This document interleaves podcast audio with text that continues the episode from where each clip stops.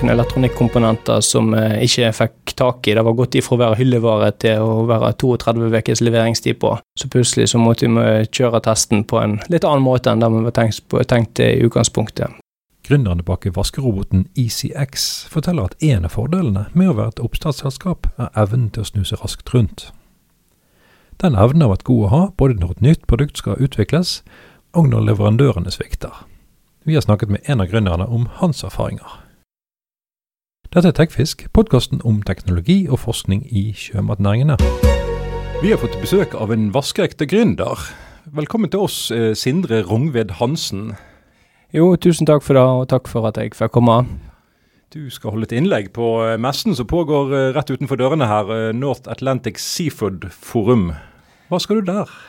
Vi har utvikla en robot for vask og desinfeksjon av fiskekar, så det er det vi skal snakke litt rundt. Da er du jo godt selskap der med oppdrettsnæring og kunder utenfor døren. Ja, jeg har aldri vært med før, så det blir veldig spennende.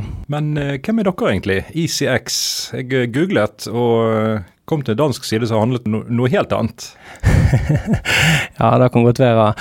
Eh, vi er jo et eh, oppstartsselskap som opprinnelig starta opp i 2020, 2020 eh, og så opprinnelig for å drive med overflatebehandling av bygg. Og så gikk vi inn i oppdrettsnæringen nå i vinteren i fjor, og da har det egentlig gått veldig fort. Det har jo vært en enorm interesse fra næringen for å finne en løsning på vask av kar. Men litt om deg sjøl først. Hvem er du? Altså, jeg eh, har egentlig bakgrunn i, fra uh, olje- og gassnæringen innenfor uh, måling og analyse av ja, olje og gass og produsert vann.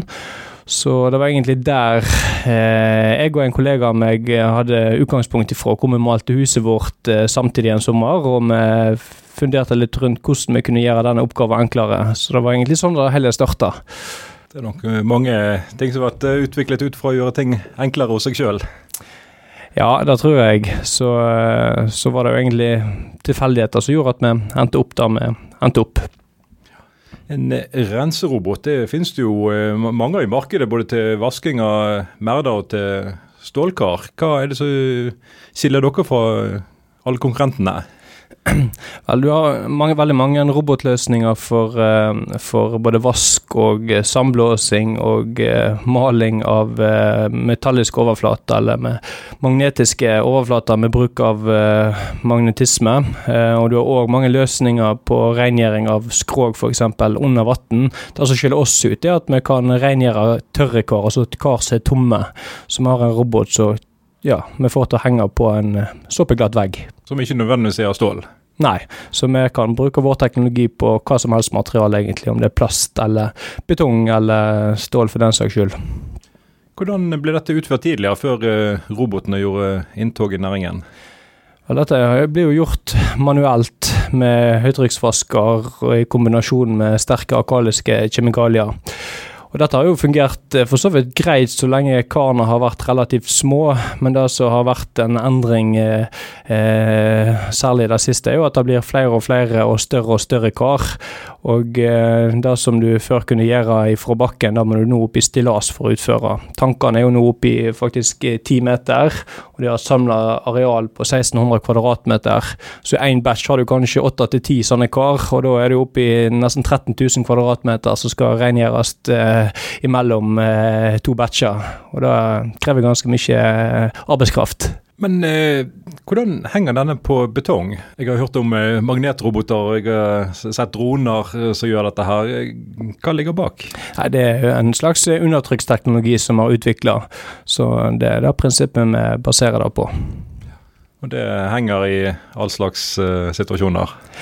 Ja, vi har eh, kjørt en hel del testing hos uh, ulike oppdrettere, og eh, sett at det fungerer veldig greit. Vi har kjørt på ulike materialer med ulik coating, med, med ulik variasjon av biofilm og, um, og forskjellige typer kjemikalier. Og de testene vi har gjort, da, har det fungert over all forventning. Så, men det er jo klart, vi har ikke testa på alt, så Hvordan beveger den seg? Nei, det er belteframdrift. Vi har eh, to belter, en på hver side. eh, og eh, her er jo litt av nøkkelen til at vi må ha en høy friksjonskoeffisient mot underlaget vi kjører på. Så det er mye der nøkkelen ligger. Og så er det kjemikalier og avspyling. Ja, vi har ei skumdyse bak på roboten, sånn at eh, vi kjører først over overflaten og legger skum på. Eh, og så skal jo den gjerne virke en stund, og så har vi en slags spylestav i framkant på roboten med fem dyser på. Så da kan vi bruke enten lavtrykksspyling eller høytrykksspyling. Vi har nå kjørt mesteparten av testing med høytrykksspyling, da, og det har fungert veldig greit. Den eh, blåser ikke roboten av. Nei, det gjør den ikke. Den, eh, vi kan ha med oss en last på 250 kilo på oppover veggen. Ja vel. Ja. Dette er vel ting som eh, kan overføres til andre oppgaver. Ja da, helt klart. Som sagt så var det overflatebehandling av bygg vi starta hele reisen vår med. Men eh, hva skal jeg si eh, Her har jo vi i oppdrettsnæringen så har vi opplevd at det var et et eh, eksisterende behov hvor det er ønske om å få raskt en løsning på plass.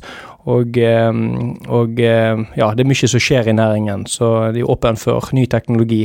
I eh, malingsmarkedet så opplevde jeg at det var mer konservativt og ting gikk seinere, men det er absolutt mange bruksområder, f.eks.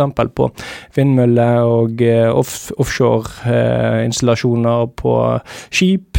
Gjerne ikke-metalliske skip, eller fartøy.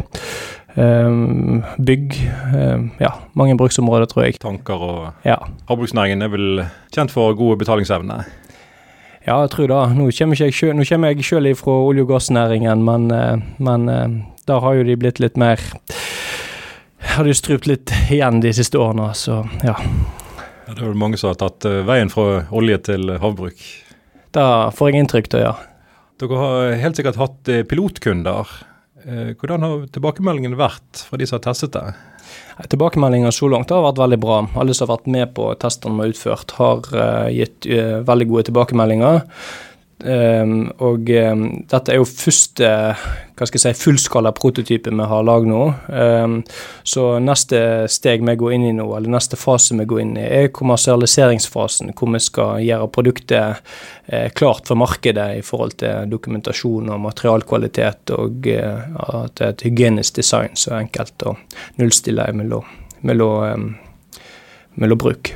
Mellom eh, utvikling og eh, pilotkunder, eh, har dere måttet revurdere ideer dere har hatt? Ja, vi har jo absolutt det.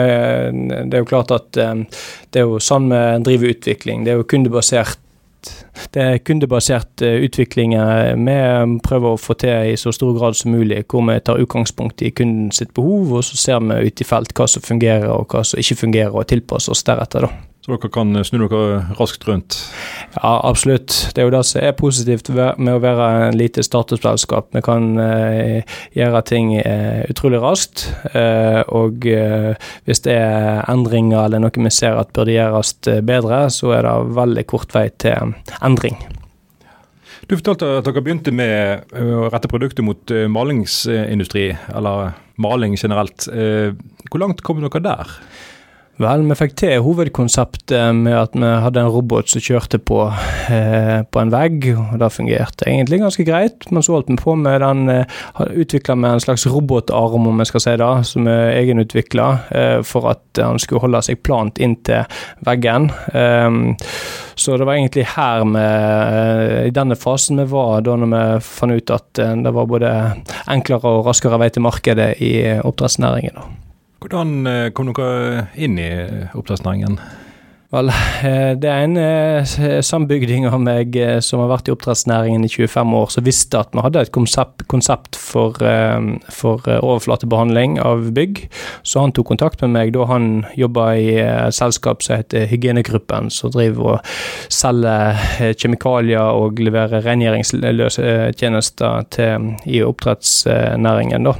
Så han så jo at det var et økt behov for å automatisere denne prosessen.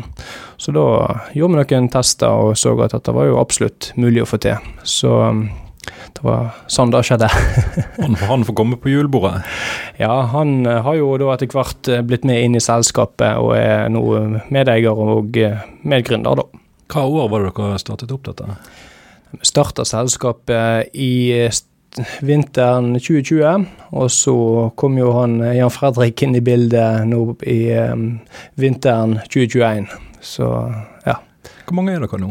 Vi er fem stykker totalt, med fire ingeniører, og så har vi Fredrik, da, som har vært røkter. Og jeg tror jeg har gjort det meste en kan gjøre i, innenfor næringen. Dere har ikke kommet i gang med et salgsapparat ennå? Nei, det er jo i stor grad han som representerer, representerer da. Men um, vi har jo uh, gjort en del um, tester og, og og, hatt en del møter med ulike oppdrettere. Så det har jo vært en veldig stor interesse, føler jeg, for produktet som vi har. Så det har egentlig gått foreløpig veldig mye til seg sjøl. Hva leser dere ut av etterspørselen? Dere må jo ha gjort noen estimater på salgspotensial? Ja, det er jo litt Det er jo veldig avhengig av hvordan en ser på det. Det er jo en næring i vekst, og det er veldig mye så, spennende som skjer i forhold til landbasert oppdretter, hvor egentlig særlig de veldig store karene er. Men vi ser at det er et stort potensial. Men vi har jo egentlig valgt ut oppdrettsnæringen som et beachhead-marked. Så vi tar dette som utgangspunkt, og så ser vi hvor langt vi kommer. Og så ser vi òg at det er muligheter for kanskje å gå over i andre næringer etter hvert, så vi har kontroll på situasjonen. Om fem år, hvor mange folk har dere da? Vel, får håpe at vi har kanskje mellom 50 til 100 ansatte en plass. Du snakket litt om fremtiden i sted, og når går den i produksjon? Ja, eh, nå er vi som sagt inne i en kommersialiseringsfase hvor vi skal ta et produkt som har bevist at eh, vi har brukt til å vise at konseptet fungerer. Så nå er det en seksmånedersperiode hvor vi skal utvikle produktet videre og ta med oss tilbakemeldinger vi har fått fra kunder, og vi skal eh, få dokumentasjon på plass og som sagt bedre materialkvalitet og de tingene der. Eh, og så ser vi for oss at da blir det nye læringspunkter som vi kommer til å få. Det blir helt sikkert mye tilbakemeldinger fra kundene, de første kundene. Så derfor så lager ikke vi de stort volum allerede da. Jeg har vært med på nok utviklingsprosjekt at jeg vet at det blir mye, mye for, forbedringspotensial på første versjon. Så så ganske, ganske tidlig da, så vil vi starte på neste versjon igjen, som vi da kaller 1.1-versjon. og Det er egentlig først den vi ser at vi kan begynne å lage et litt større volum. og Den har vi tenkt å få ut fem måneder deretter igjen, altså ca. et år ifra nå. da. Du kommer fra oljenæringen og nå kom tett på havbruksnæringen. Hvordan opplever du den?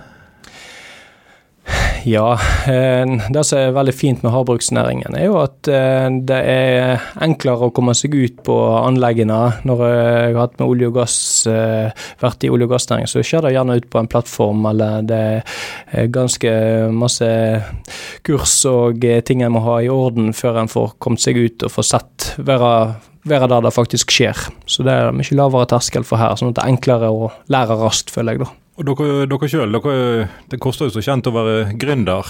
Hvordan har støtteordningene vært? Har dere benyttet dere av Innovasjon Norge-søknader? Ja, det har vi.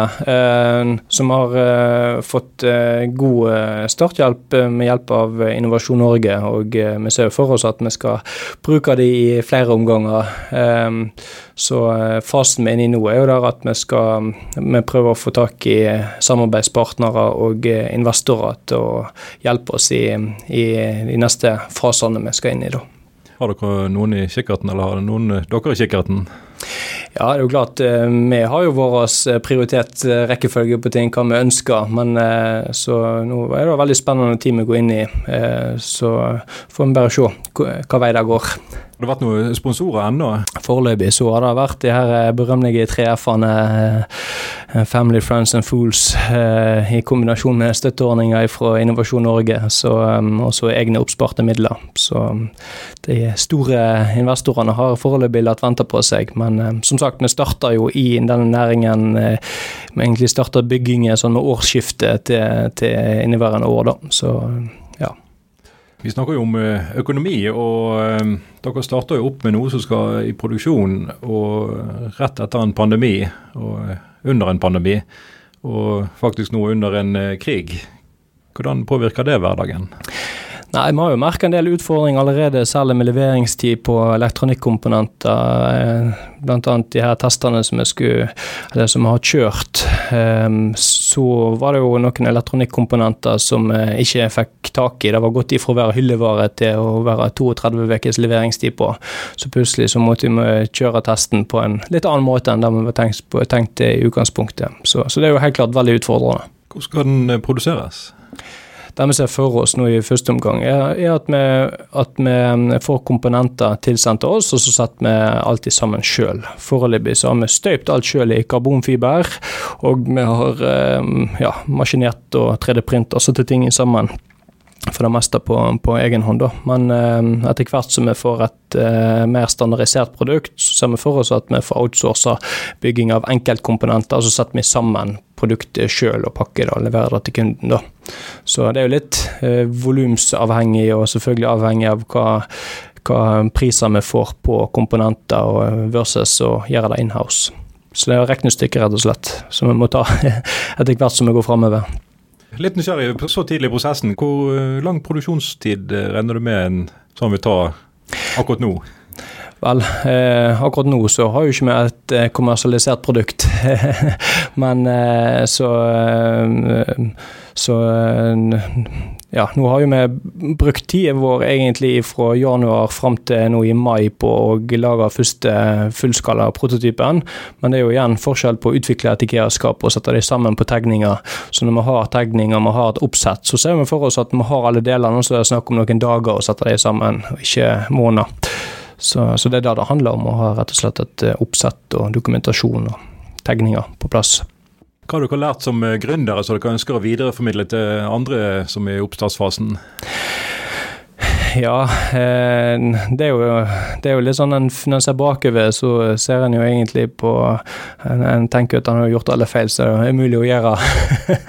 så en lærer jo ekstremt fort, men det viktigste er jo helt klart ikke å gi opp. Eh, og og eh, ha litt sånn stayerevne og tenke at det, går seg til. Og stort sett med tid og stund når en jobber på og eh, er målretta, så går det stort sett veldig bra. Hvordan tror du etterspørselen blir etter denne messen? Nei, Det er jo vanskelig å si. Eh, jeg eh, har jo som sagt opplevd en ganske stor interesse allerede, så det er egentlig ikke etterspørselen og interessen som er utfordringen for vår del. Det er rett og slett eh, partnerskap og investorer til å ta produktet videre som har vært si, ja, det er det viktigste for oss nå. Du har hørt TechFisk, podkasten om teknologi og forskning i sjømatnæringen.